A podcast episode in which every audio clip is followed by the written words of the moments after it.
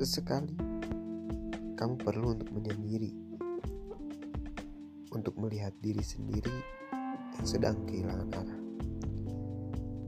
menemukan jati diri yang hampir punah, membantu rasa yang sedang berada di titik terendah, mendaur ulang hati yang kian hari kian kotor seperti sampah, menyiram semangat yang sedikit lagi ingin menyerah mengangkat kembali harga diri yang mulai di bawah,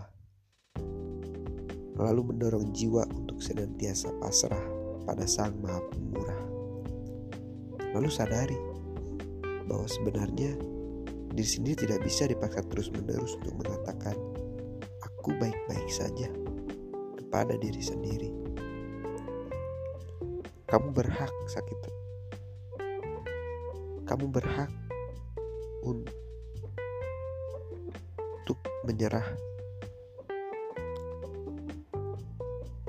Kamu berhak untuk bangkit lagi setelah menyerah. Menyerah bukan berartinya sudah,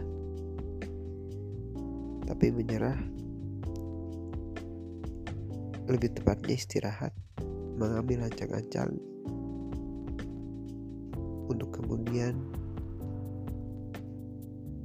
melesat seperti anak panah.